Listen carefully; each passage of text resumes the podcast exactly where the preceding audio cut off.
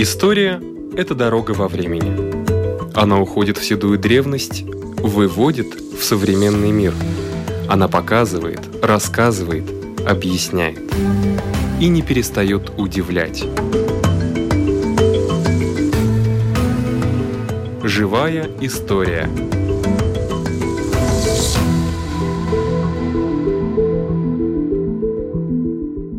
У микрофона Лидия Чера.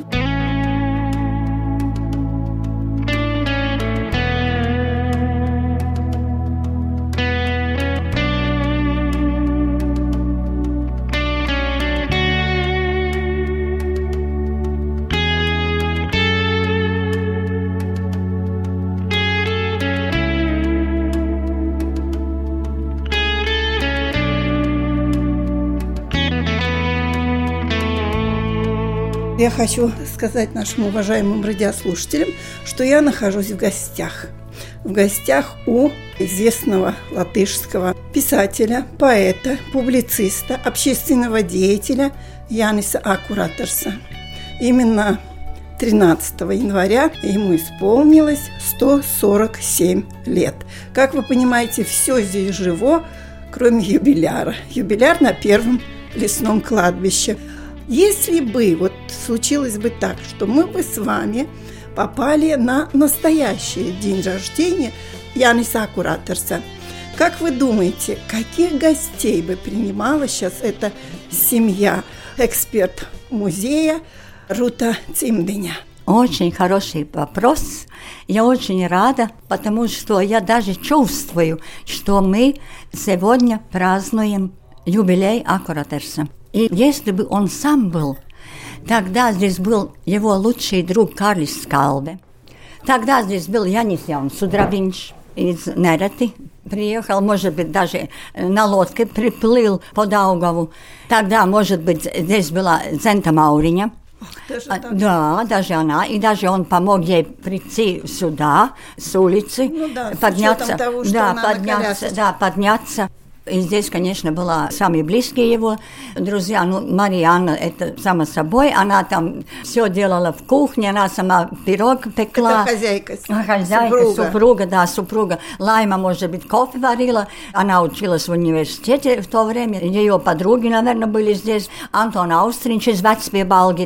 Так же, как Акуратерс из Калби. Они же видели события пятого года. Они с того времени уже подружились. Они друзья все. Они как одна могучая куча. У нас своя могучая куча. Мы здесь вспомнили о том, что у нас здесь в Латвии, именно в этом доме, своя могучая куча. Если вы пройдете в наш светлый салон, где выставочный зал, там вы увидите рижскую группу художников-экспрессионистов, которые были вместе с Аккураторсом в Стрелках, Туане, Убанс, Струнке, все они ученики Пурвитиса, они даже помогли Аккуратырс этот дом строить, ну, своими идеями. Эта вся эпоха сохранилась предметами всякими. О том рассказывает этот дом.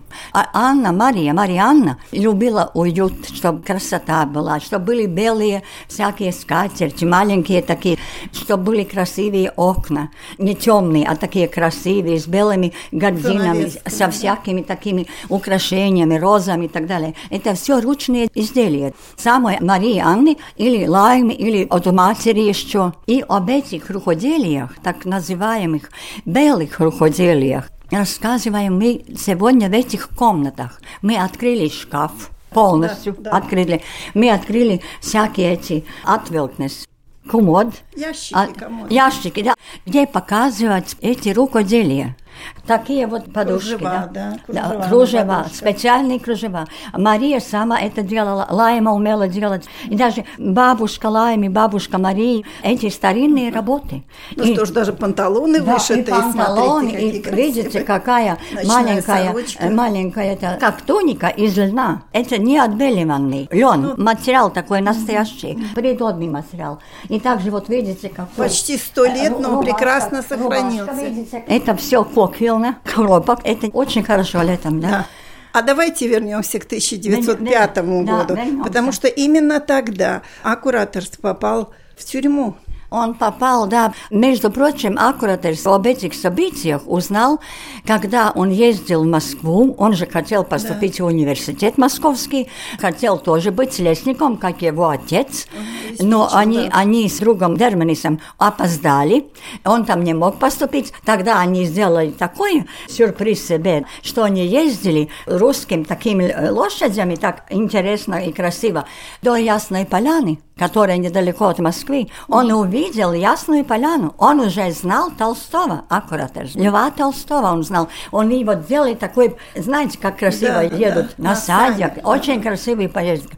Он не попал в университет, но он очень рад этой поездкой. Но он все-таки учился в Он учился потом... не в этом году. Да, не в этом году, а его потом приняли в университет как слушателя юридический факультет.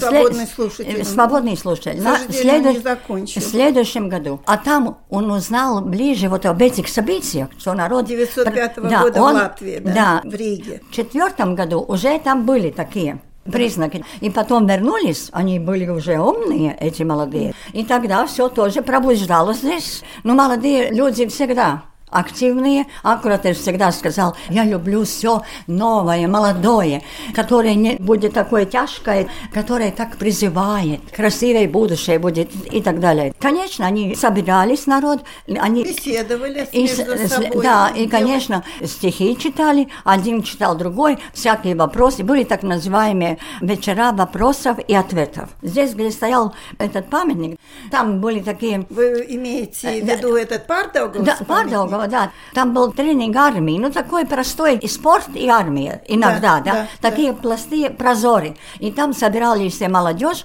и были такие вечера, да, нормальные да. вечера. Прогнали, конечно, и все же начали бояться. Да. Потому что голова кружилась там в Москве, Петербурге, там был главный центр, и провинции Латвия, ну тоже, да. И вот самое знаменитое стихотворение Аркаю Сауцинем Узлубом. Ну, да. Но это было... В эти годы было. Да, в эти годы, потому что так получилось, что все чего-то ожидали. Мы теперь читаем воспоминания рижской мэр Гросвальд, который был... В он, в то время, да. У него дом был против оперного театра. Он своего сына, который учился в Париже, он уже пред претендовал и потом был дипломатом в Париже. Сын. Он, сын, да, не Язеп, а этот старший. Ну, знаменитая э, фамилия да, Гросвальд. Гросвальд, да. очень знаменитая фамилия. Он его не выпустил из квартиры. Он хотел идти на набережной Даугавы и смотреть, что будет. Молодежь все знала, все знала и ожидали, что будет. Ну, студенты были ну, студи... очень... ну, студенты, университет и политехнический особенно институт. И потом в Пардаугове было много заводов. И масса народу через лед шли в центр, там, где политехнический институт. Вот именно в эту площадь. Ну, латышские стрелки где стоят. И они от улицы Карлиса, там, где жил дорога, оттуда вот они смотрели, и эта вся масса народу шла, а старая Рига в середине был армия со штыками. И вот как произойдет эта встреча. Все-таки армия очень большую ошибку сделала. Она ищала Устауту. Стреляла, да. Она стреляла. И погиб один студент, Тогда студенты все вообще поднялись уже, потом еще погибли, люди падали, спасались в Даугаве, и все это хаос, б... хаос начался, и снег стал красным. Да. Аккуратер с этого видел, Скалбе видел, Аустринч видел. Аустринч был на мосту железном, и он ранил, нога ранена. Потом его отвезли в больницу. Скалбе и Аккуратерс были у Аустринча. Смеется, мы были абсолютно пустыми карманами, а мы просили спасайте нашего друга. Аустринч Остринч умер заранее, Именно от да. раненой ноги. Раненая mm нога никогда не прошла. Всю жизнь, да, да, всю жизнь он это чувствовал. Ну так вот, и Аккуратерс был очень потрясен, и он писал, сам он говорит так, что это гимн посвящается павшим. Это как гимн, сэру марш. Траурный марш. Это первая строка. Правильно, Траурный марш. И даже два композитора сразу сделали музыку. Юлия Страуме, не помню, эта песня обошла все круги, люди пели, аркауя с лупам. Это поет при всяком, все равно какой здесь Горбачев или Ельцин, все равно кто эта песня звучит. thank you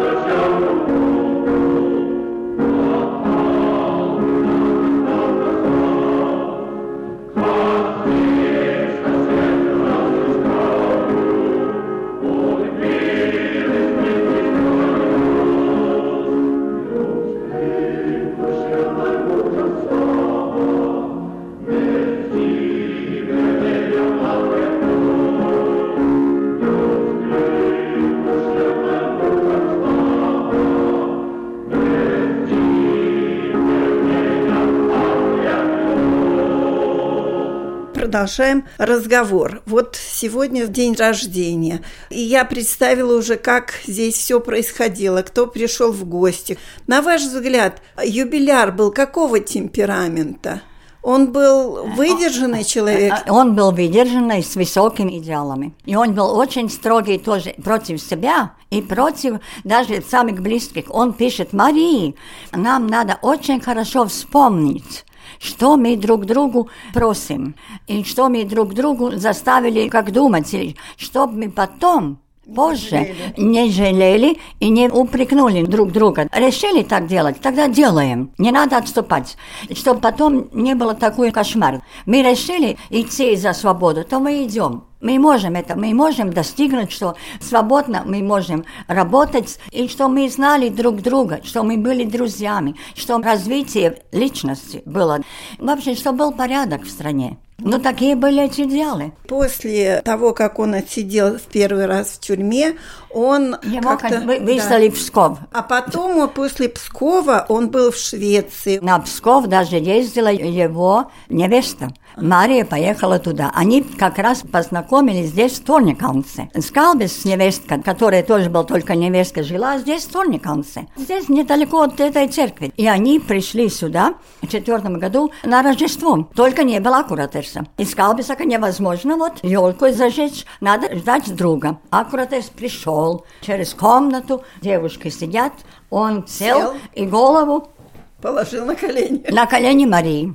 А кто это Мария? Это Мария Анна это Мария, его жена будущая. это будущая жена. Но она сама об этом рассказывает, будто я какая-то Елизавета, которая как избранная. Воспоминания такие очень приятные, что он так быстро выбрал свою невестку. Они впервые тогда виделись. А потом уже Акрудерс был вот на улице Руинес. Они отсюда празднования пошли на улицу Руинес. Это там, за Двиной. Недалеко от желел дороги. И жандармы были там и нашли, Акрудерс арестовали. Некоторые за дверем скрылся. Некоторые не успели, Акрутес арестовали. Сразу он дал Марии понять, познакомились, он уже в тюрьме. Уже все, есть кому писать, есть Мария кому писать.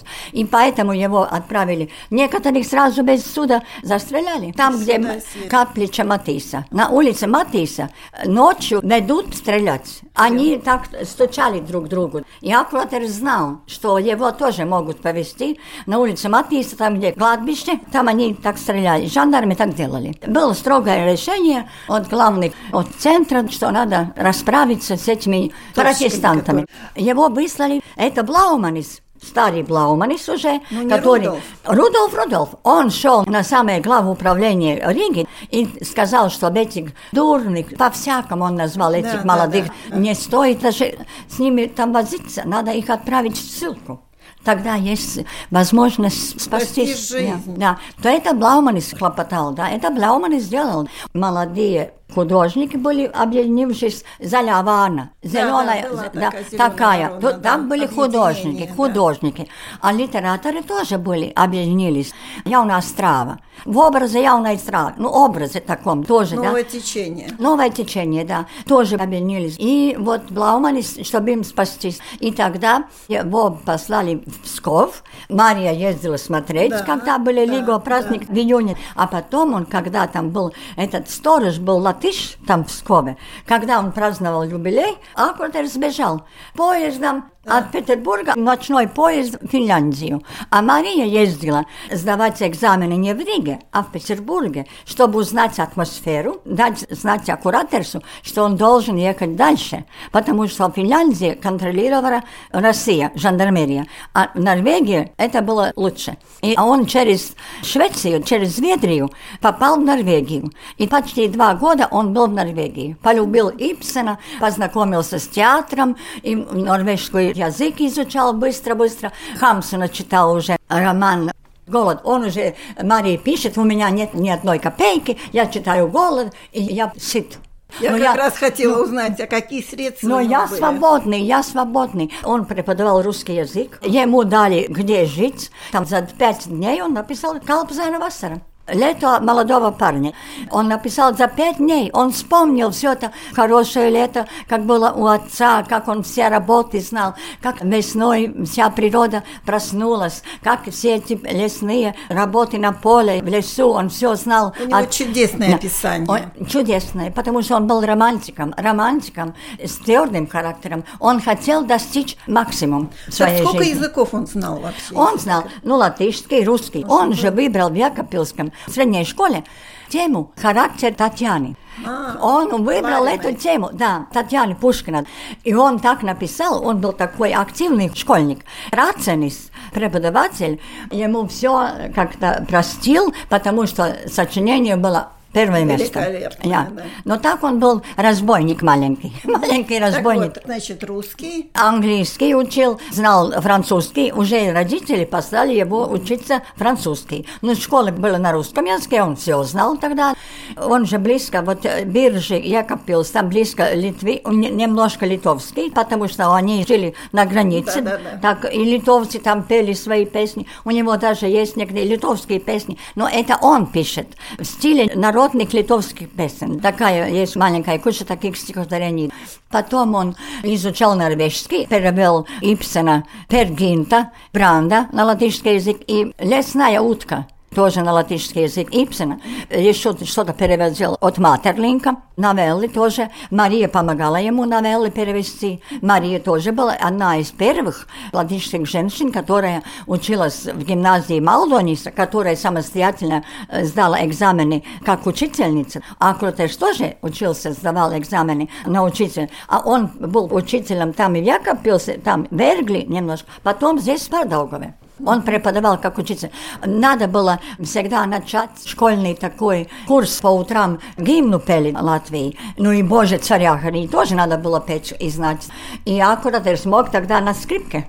Играть. Всегда пианино не было. И он на скрипке. И скрипка здесь у нас в музее. Он в Якопилсе пишет. В Якопилсе нет хора. Они вчетвером, друзья, собрались.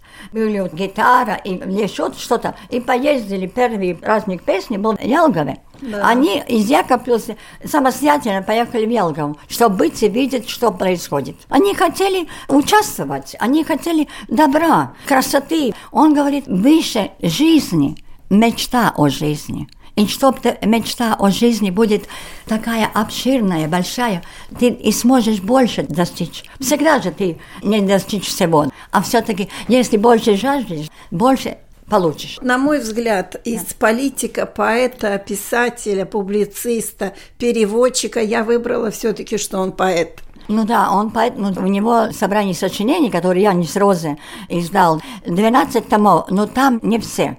У него есть шесть разных маленьких сборников прозы рассказы и новеллы и так далее. И мы теперь исполняем свою давнюю такую мечту, что мы читаем вслух. Читаем вслух эти рассказы, эти новеллы, и кто может, может прийти в веранду или в этой комнате, или в салоне, немножко кофе, чай, вот такой дружный, когда вслух читаешь. Ты уже видишь, какой он психолог, какие рассказы и какие новеллы и сказки даже. И даже ему немножко упрекали то, что он смотрит на прошлое, например, Латвии, как Латвия развивалась, какая история. Например, у нас сегодня будет Раунас. Рауна есть такой ну, поселок, такое место недалеко от Цесис. И там, вот когда начал войну Янис Брестмигайс, Иван Грозный, про эти времена есть разные легенды. Вот одна легенда об этом замке, где там жили и слуги, и мощники, помещики, помещики и так далее. Но это в Рауне. В Рауне, именно в Рауне, там такая легенда. И вот эта молодая женщина Гайгала, теперь тоже есть женское имя Гайгала, там любовная история и очень сильная любовь. И как теперь ближе есть война, и что делать, что там пожертвовать, и как выйти из ситуации. И тогда мы послушаем сегодня это. Все зависит от человека, что ему говорит сердце, что ему говорит ум, и что надо все-таки служить сердцу, что сердце более точно знает, как человек себя по-настоящему чувствует.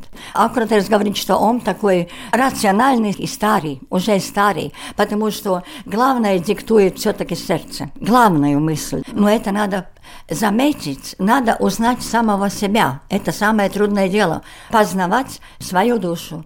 Вот первый манифест латышской литературы вот сделали эти молодые, потому что мы не должны пересказывать то, что происходит на улице. Это не внутреннее, но это то, что каждый день происходит, такие всякие события.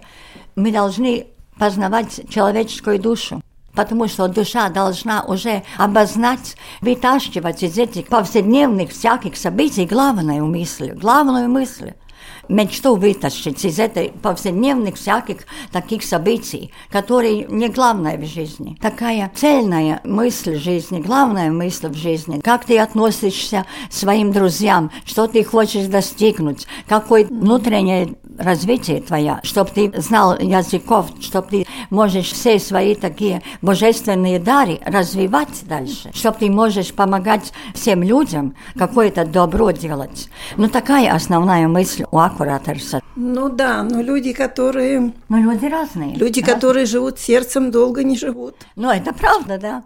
Аккураторс тоже недолго прожил. По нашему сегодняшнему ситуации, он молодой, молодой мужчина. Молодой мужчина, да. А что ж случилось? Он писал стихи даже, которые посвящал упавшим стрелкам, и даже которые пропали где-то в лесу и болоте, где нашли молодого человека. Он все такие моменты, ему было очень больно, он переживал за все это. И такие моменты мы находим, как старики в поселках остались одни, не знают, где пропал сын или дочка. Это не мирная жизнь, это такая, ну, все расплох тогда. Ну, конечно. и вот такие, такие маленькие сюжеты. Даже есть роман «Пылающие цветы». Это про стрелков. И он лежал эту спину э, да, позвоночником, да, прохлаждался, не кушал как надо. И он получил такое Вейзис. Такое было, да. да.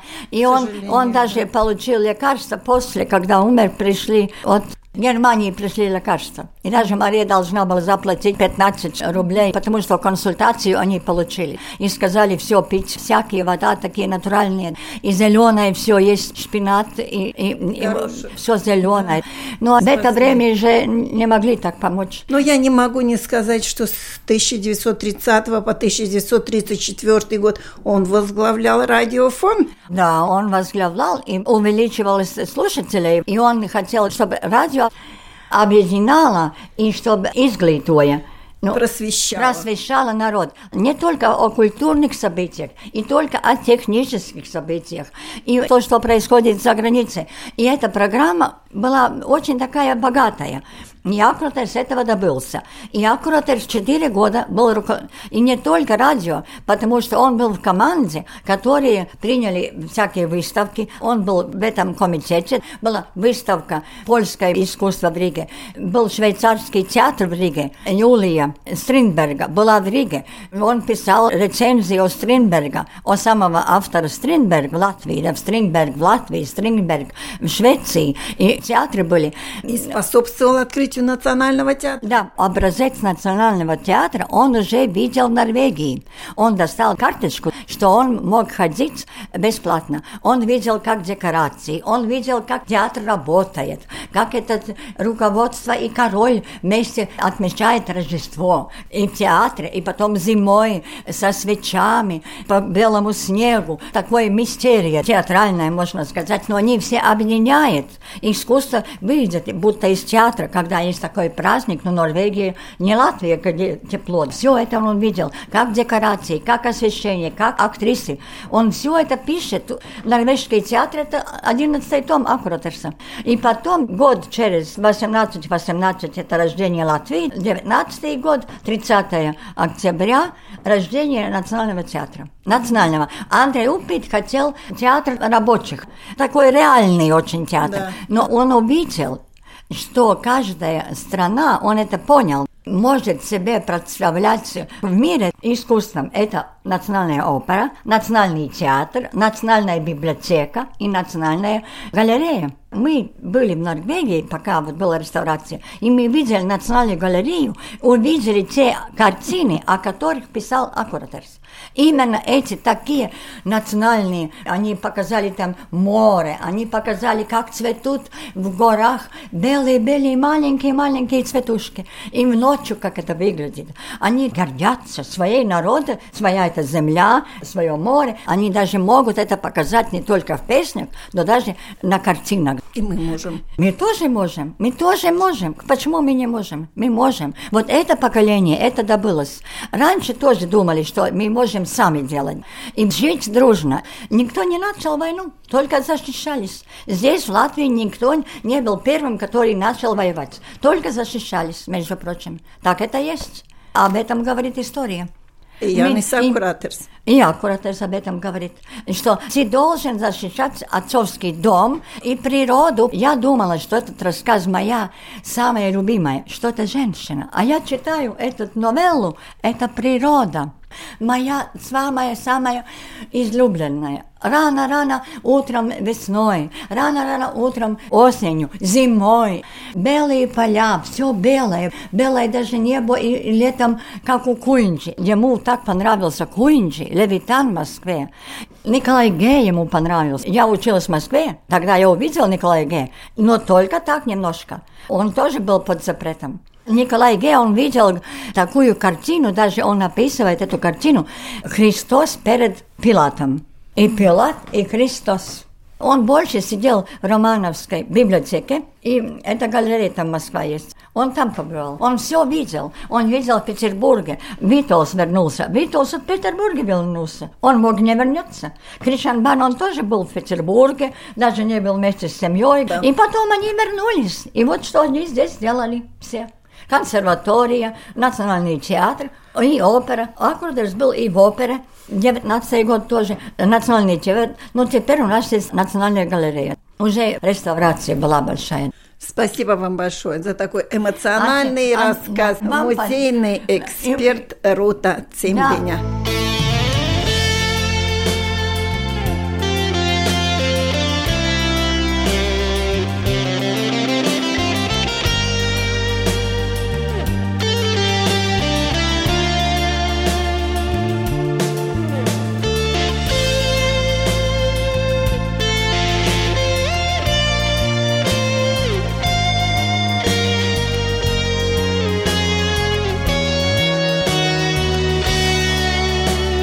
Этом наша передача заканчивается. Всего вам доброго!